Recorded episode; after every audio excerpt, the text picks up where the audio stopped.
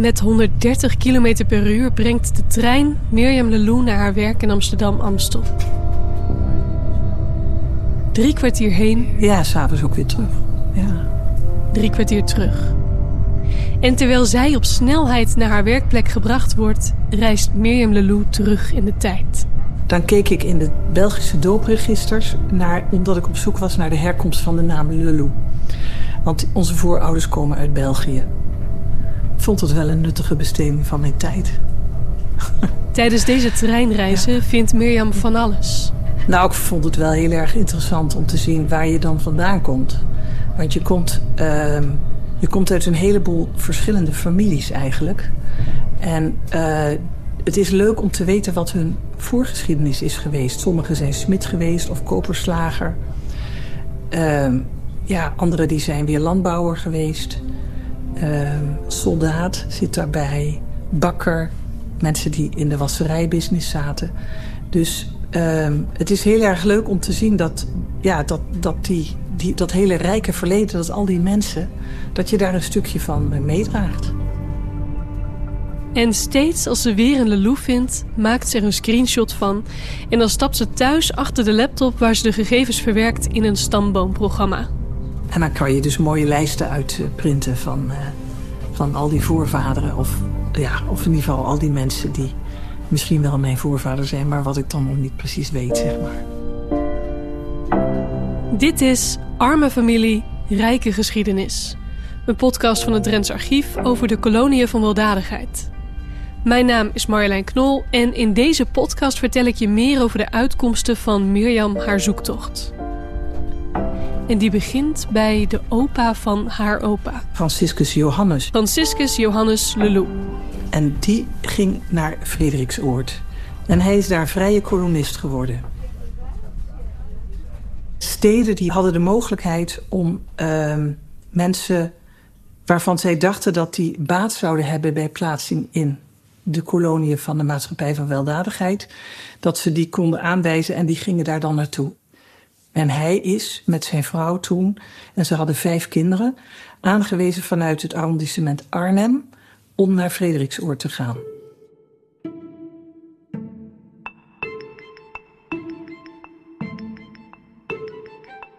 Al snel nadat het gezin aankomt in Frederiksoord, besluit Franciscus Johannes zich aan te sluiten bij de schutterij van Drenthe, de gewapende burgerwacht. Die moet de Belgische onafhankelijkheid tegengaan.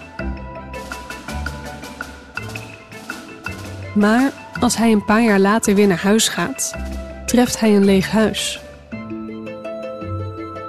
Zijn vrouw is overleden en er wordt op een andere plek voor zijn vijf kinderen gezorgd. En toen zei hij, ja, ik wil wel mijn kinderen weer bij me hebben. Maar ja, dan moet hij toch echt een nieuwe vrouw vinden. En zo komen we bij de half-Italiaanse Catharina Siri.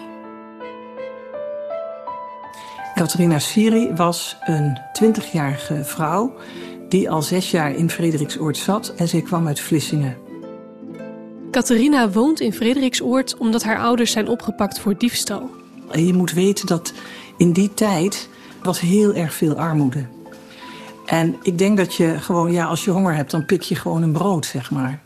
In ieder geval zitten haar ouders al een paar jaar vast in de gevangenis in Zeeland. En kunnen ze dus niet voor hun kinderen zorgen. Catharina en haar broers en zussen staan daarom onder de zorg van de koloniën van weldadigheid. Dus die Catharina Siri die zat daar al een paar jaar. En die kreeg toen te horen van uh, de, uh, ja, de leiding van, de, van Frederiksoord... dat uh, Franciscus Johannes Lelou met haar wilde trouwen. En dat zij dat maar moest doen. En of daar dan liefde in het spel is, dat, ik heb geen idee. Maar Franciscus heeft het wel gevraagd of hij met Catharina mocht trouwen. En zij heeft ook toestemming gekregen van haar ouders, die nog allebei in de gevangenis zaten. Maar daar gewoon wel, er zijn wel stukken van dat ze toestemming geven voor het huwelijk. Want ja, ze was minderjarig, ze was twintig. En toen in die in een paar weken voor het huwelijk is zij nog een keer met de leiding gaan praten. Dat ze er wel erg tegen opzag.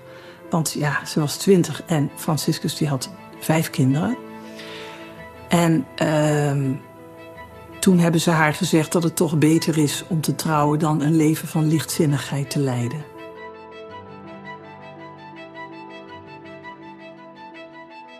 Toen Mirjam Lelou zelf twintig was, ging ze farmacie studeren. In Utrecht. Uh, ik heb altijd gewerkt, dat vond ik ook heel erg belangrijk. Uh, en ook uh, veel, zeg maar 80 tot 100 procent.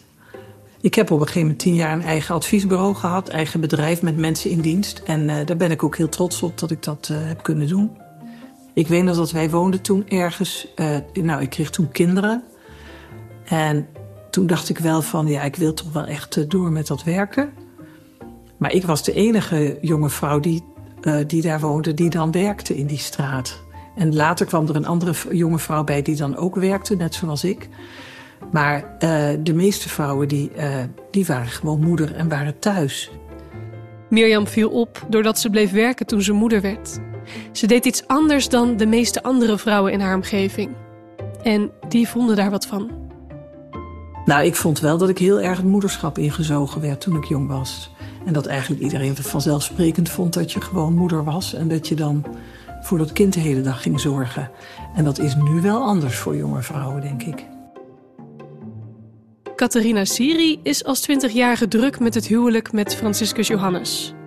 De oudere man met kinderen uit een eerder huwelijk. Catharina twijfelt. Maar de leiding van Frederiksoord weet haar te overtuigen. En toen is ze dus getrouwd. Of misschien heeft ze wel niet echt een keus. Wie weet. Vlak na het trouwen is ze op een gegeven moment op een dansavond met een andere kolonist er vandoor gegaan. Is een paar dagen weggebleven. En uh, nou, dat was natuurlijk niet helemaal de bedoeling. Toen kwam ze weer terug en toen moest ze natuurlijk verschijnen voor de tuchtraad. En die hebben denk ik ook een beetje hand over hun hart gestreken. Van ja, die Frans zat daar met vijf kinderen. Die moest natuurlijk, die wilde graag een vrouw hebben. Uh, maar op de een of andere manier heeft zij gewoon een berisping gekregen. En is zij niet naar Ommerschans uh, geplaatst. Een deel van de Ommerschans is namelijk een strafkolonie. Maar Catharina mag in Frederiksoord blijven. Ze trouwt met Franciscus Johannes en ze krijgen vijf kinderen. Nou, ik vind het wel knap dat ze dat heeft gedaan. En ik weet dat die jongens. De twee oudste zoons uit het eerdere huwelijk. Dat waren twee jongens die ook wel voor die tuchtcommissie zijn geweest. Dat waren jongens die op hun vijftiende uh, toch wel hele baldadige dingen deden. Nou, denk ik wel dat ze daar, uh, dat de ruimte die ze daar aan mensen gaven om baldadig te zijn, misschien niet zo groot was. Dat ze eigenlijk best wel snel gingen straffen. Uh, dus ik weet ook niet in hoeverre ze echt kind konden zijn en hoeverre daar aan tolerantie was. Maar ze worden wel genoemd als dat ze uh, baldadige dingen doen. Dus ik denk niet dat het makkelijk voor haar is geweest, want die jongens die waren natuurlijk ook al tieners of zo. Dan denk ik van ja, dat is dan geen makkelijk gezin geweest.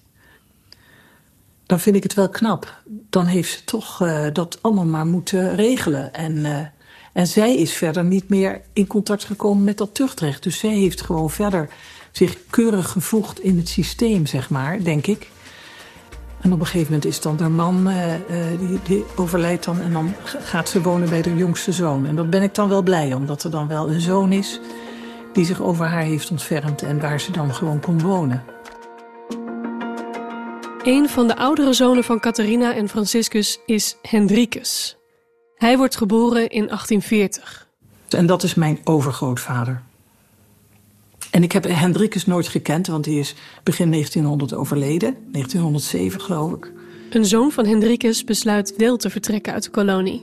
Hermanus Jacobus, de opa van Mirjam. En dat blijft best bijzonder, want veel andere familieleden blijven wel in Frederiksoord wonen. Er zijn dus een aantal takken van de familie Lelou die wel nog in Frederiksoord zijn gebleven. Tot 1959 hebben ze daar gewoond. En toen is het laatste gezin Lulu wat daar zat, is vertrokken. Toen hield de maatschappij ook op te bestaan uh, in deze vorm. Maar ik weet nog dat er nog wel familie van mijn opa, neven of zo, nichten met z'n vieren. Dat waren twee broers en twee zussen. Die woonden nog met z'n vieren in een huisje in Frederiksoord. En daar ben ik als kind ook nog wel geweest op bezoek.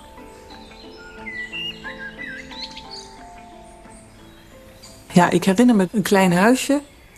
Uh, ze hadden een grote tuin. Ze hadden heel veel uh, kruisbessen, aalbessen. En als we daar kwamen, dan kregen we altijd uh, rijstpap met bessensap. Een heel groot bord vol. En dat was heel erg lekker. Hoe Catharina zich bij haar lot neerlegde en het hoofd boven water wist te houden met een gezin van tien kinderen, zo anders kon Mirjam wel haar eigen weg kiezen. Ook al kreeg ze nog wel steeds kritische blikken van haar buren. In ieder geval tijdens de eerste jaren van het moederschap. En toen wij tien jaar later verhuisden, toen waren eigenlijk al die vrouwen aan het werk. Want hun kinderen waren op de middelbare school. En dat vond ik toen wel een grote verandering. Dat als je dan tien jaar daarvoor keken ze je echt aan van waarom ga je in godsnaam werken? Je bent toch moeder? Tien jaar later werkten ze allemaal. Hadden ze allemaal een baan erbij. Vlak voordat Mirjam met pensioen ging, werkte ze als directeur kennistransfer bij de Universiteit van Amsterdam. Een functie waar Mirjam trots op is. Misschien wel juist omdat ze zich nog zo goed kan herinneren hoe moeilijk het die jaren was toen ze net moeder was. Je moet toch ook een beetje woekeren met je talenten of zo, of met je tijd. En ik wilde ook heel graag mij ontwikkelen verder. Dat was ook een hele duidelijke drijfveer, zeg maar. Kijk, je, je doet gewoon, je maakt gewoon je keuzes zo goed mogelijk. En uh, ja. Kijk, je kan je natuurlijk heel makkelijk schuldig voelen. Hè? Dat je zowel aan je werkkant dingen hebt laten liggen, maar ook als moeder dingen hebt laten liggen. Maar volgens mij moet je daar niet in willen in terechtkomen, zeg maar. Dat je dat soort dingen gaat afvragen. Want ik denk dat je gewoon doet wat je kan, zo goed mogelijk. En, uh, en dat is goed. Als het aan haar voormoeder Catharina Siri had gelegen, had ook zij waarschijnlijk een andere weg gekozen dan het pad dat de leidinggevende voor haar uitstippelde. Maar dat Catharina deze taak toch met opgeheven hoofd heeft vervuld, daar heeft Mirjam veel respect voor. Dus ik vind het ergens ook wel jammer dat ik haar niet heb gekend. Want ik vind dit toch wel stoer van haar dat ze dit heeft gedaan.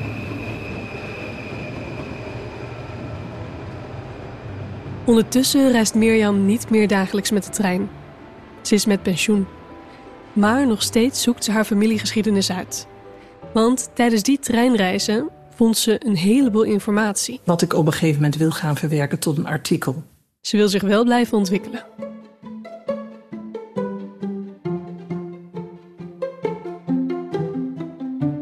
Dit was de tweede aflevering van Arme Familie, Rijke Geschiedenis.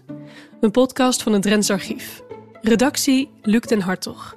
Eindredactie Hilde Boelema. Eindmontage Arno Peters. Deze podcast kwam tot stand in samenwerking met RTV Drenthe en met financiële steun van de provincie Drenthe. En luister vooral verder, want in de extra aflevering ga ik in gesprek met Wil Schakman, de schrijver van vier boeken over de maatschappij van weldadigheid, waaronder het boek De Proefkolonie.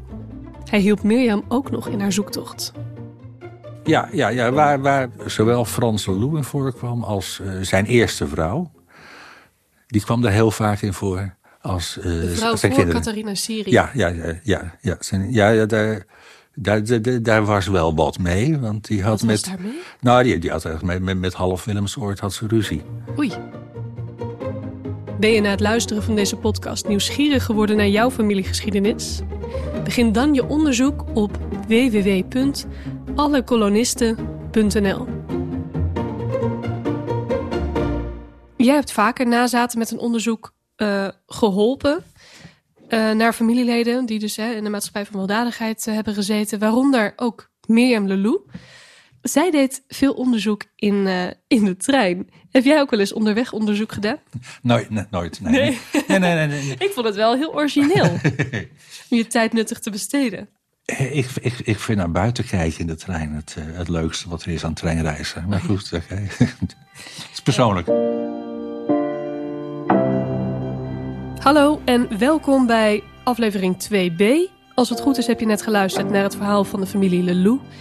Eh, tegenover mij zit Wil Schakman. Hij is schrijver en weet alles over de maatschappij van weldadigheid. Uh, Wil, jij schreef er een aantal boeken over en jouw materiaal wordt nu ook nog beter online beschikbaar. Ja, de, de, de, de, de, de, de, mooiste dingen over, over koloniebewoners is te vinden in de, in de raden van tucht. Elke kolonie had een, een, raad van tucht. En Daar kwamen mensen voor die zich hadden misdragen. En onder misdragen heet bijvoorbeeld uh, kijven en schelden is ook een misdrijf binnen de, binnen de koloniën.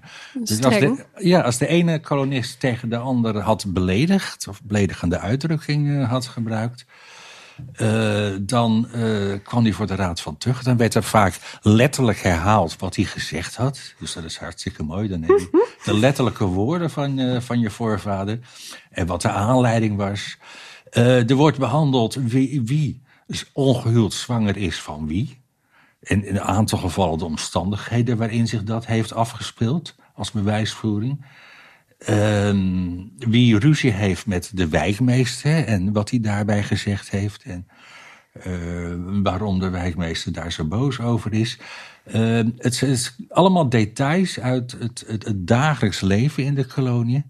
Waarbij, uh, waardoor je ook sommige kolonisten heel erg goed leert kennen. Ja, nou, ook hun, hun karakter. Ja, ja, ja, ja. Veel van, van die uh, daar heb ik transcripties van op mijn site. Dat moet dus nog naar het Drents Archief. Maar voorlopig staat het alleen nog bij mij. uiteindelijk komt het ook bij uh, online bij het Drents Archief inderdaad. Uiteindelijk ja. wel, ja. Uh, hoe heb jij Mirjam geholpen in haar onderzoek? Um, helemaal in het begin dat ik ermee bezig was, dan heb ik het over ergens 2008, 2009, uh, had ik contact met iemand die een nazaat was van uh, Frans Lelou uit de kolonie. Daar heb ik samen met die, uh, met die man heb ik, heb ik dingen uitgezocht. Die man heeft ook een aantal transcripties gemaakt van tuchtzaken waarin uh, Lelou was. Op een gegeven moment hadden we zoveel over Lelou. Uh, dat, er, dat, dat ik er een cd van gebrand had, informatie. En uh, in de jaren erna leek het wel of overal vandaan uh, Leloes tevoorschijn kwamen. Uit Zeeland, uit Hengelo. En, en Mirjam zat er ook tussen. Die allemaal die cd gehad hebben. Jij hebt haar aan alle gegevens geholpen over de tuchtraden. Ja, ja, ja, ja waar, waar, waar zowel Frans Leloup in voorkwam als uh, zijn eerste vrouw. Die kwam er heel vaak in voor. Als, uh, de vrouw voor Catharina Siri. Ja, ja, ja. ja.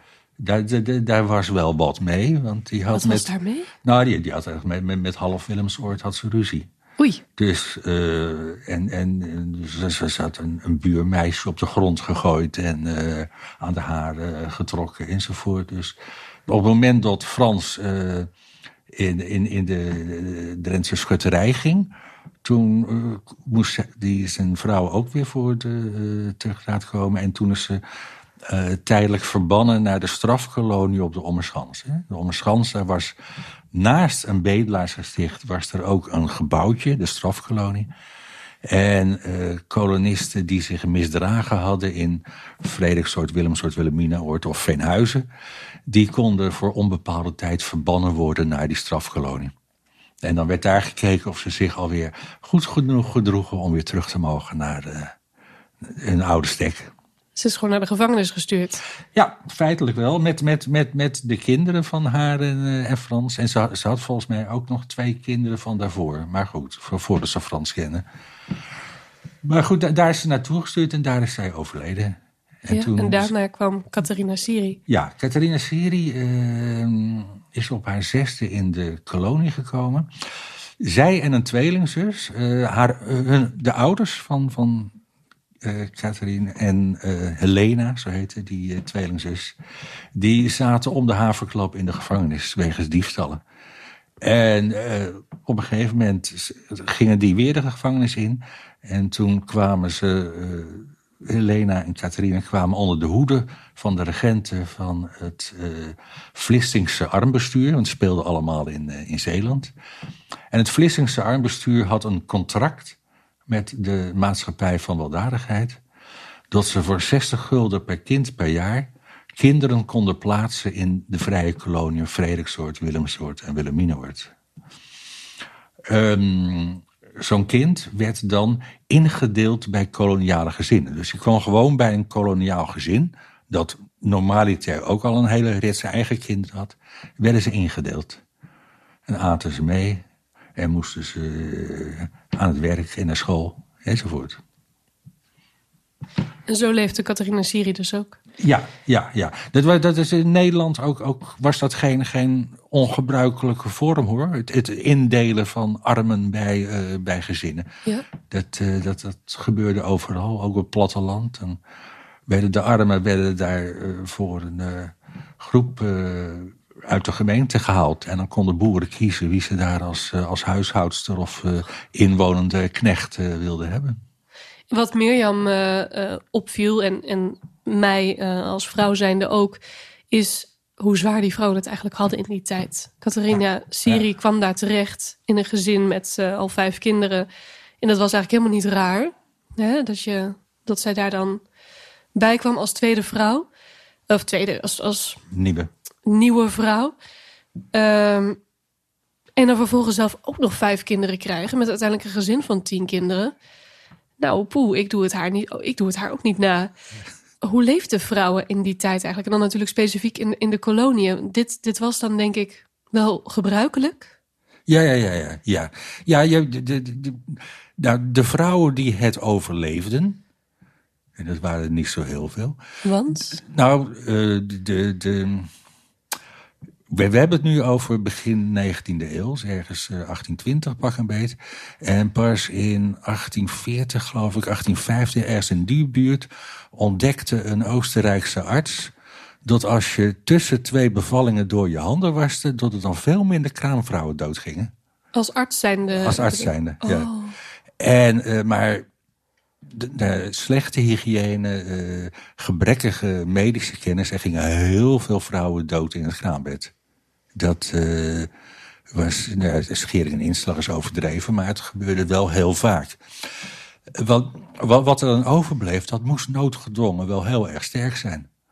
Eén nazaat van kolonisten, inmiddels overleden, maar die, die, die, die zei dat een keer heel mooi. Ik ging op pad om te onderzoeken hoe mijn voorouders leefden. En ik kwam erachter dat ze alleen maar bezig waren met overleven. Dat is, dat, dat, maar dat, dat is iets wat je ook in gedachten moet houden als je naar die tijd kijkt. Eh, het, het gaat de hele tijd om overleven. Het gaat om het dagelijks brood. Het gaat om. eh, ehm, ja, ik ben bang dat mensen daar ook een beetje minder aardig van werden. Hè? Dat is het feit dat je per se altijd voor jezelf moest zorgen. Want als jij het niet deed, deed niemand anders het. Ehm, en mensen werden daar ook een beetje familieziek van. Als er geen vangnet is vanuit de staat, dan is het enige vangnet wat er is, dat is je familie. Als in deze tijd iemand een vette baan kan krijgen aan de andere kant van het land, dan doet hij dat. Maar dat was in die tijd heel onverstandig. Want als je aan de andere kant van het land allebei je benen brak, dan woonde je te ver af van je familie om, om enige hulp te krijgen. Dan, dan, dan, dan, nou, dan ben je een pineut. Dan gaat het helemaal fout. Dus je moest een beetje in de buurt van, van je familie blijven. ja. Dat is in die koloniën ook heel duidelijk te zien. Want eh, als een, een, een koloniaal kind, als die trouwde, dan moest hij de kolonie af. Want er konden geen twee gezinnen in één huis wonen. Was de opvatting. En, eh, maar, maar die wilde niet te ver bij de familie weg. Dus in de omgeving van de koloniën, daar kwamen allemaal eh, dorpen van zelfgebouwde plaggenhutten. En daar woonden alle afstammelingen van de kolonisten. Dus zaten ze toch lekker dicht bij de familie. Konden ze de hele tijd elkaar eh, hulp en bijstand te geven als dat nodig was. Maar ja, dat, dat is dan je sociaal vangnet, je familie. Ja. Het, het was dus overleven. En in die zin hadden de vrouwen uit die tijd eh, waarschijnlijk ook niet echt veel keus. Toch vind ik het wel heel opvallend dat Catharina Siri wel een poging heeft gewaagd. Door er nog even te proberen mee er vandoor te gaan met een andere man. Ja, dus ze zei zelf bij die gelegenheid dat eh, er was een dorpsfeest in Noordwolde. Daarbij was Frans Lou was eerder eh, naar huis gegaan. En zelf zei ze dat ze niet naar huis was gegaan omdat Frans altijd zo humeurig werd als hij gedronken had. Maar goed, dat, eh, En ze ging- ze, ze, ze, ze, was er wel even vandoor met een andere kolonist. Ja, ja, ja. ja. ja, ja, so- sommige dingen eh, zijn, zijn vergelijkbaar tussen, tussen toen en nu. Bedoel, eh, echte verliefdheid bestond wel, lust bestaat natuurlijk, het is lichamelijk ingebouwd. En sommige dingen zijn anders. In sommige opzichten zijn de mensen van toen anders. Hey Mirjam, haar voorouders waren vrije kolonisten. Wat, wat is een vrije kolonist? Vrije kolonisten bewoonden hoeves in uh, Frederiksoord, Willemsoord en Wilhelminaoord. Zo'n zo, hoeve, dat is een huis, stenen huis van uh, ongeveer 15 meter in de vierkant... met erachter een schuur er tegenaan gebouwd.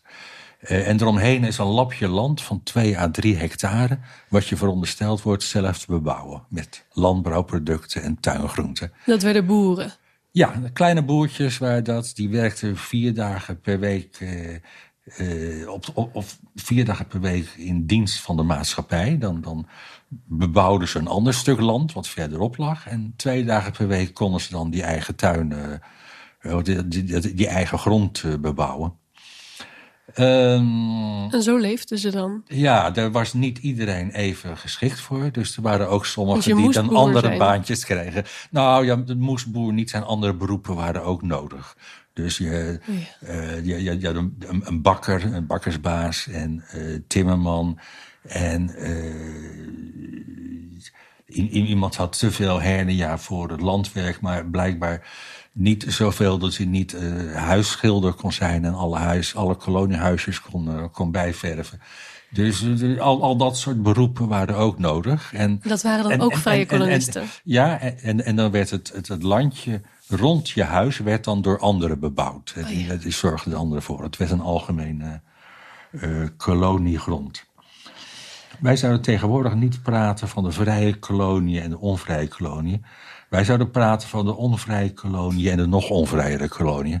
Want in die vrije kolonie was wel weer heel veel was, uh, verboden en gereguleerd. Maar je mocht bijvoorbeeld niet zomaar van de kolonie af. Uh, zonder toestemming uh, vooraf. Um, je was ook verplicht om de koloniale kleding te dragen. Dat is ook wel begrijpelijk, want het maken van die koloniale kleding is de werkverschaffing voor, voor alle kolonisten ook. He? Je had toen nog echte winters. Dus een maand of drie per jaar of vier was er met dat land helemaal niks te beginnen, want het was stijf bevroren. Nou, dan, dan werkte je in de spinnerij en de weverij en dan uh, maakte je de kleding voor, uh, maakte je koloniale kleding. En uh, huishoudtextiel en dergelijke maakte je.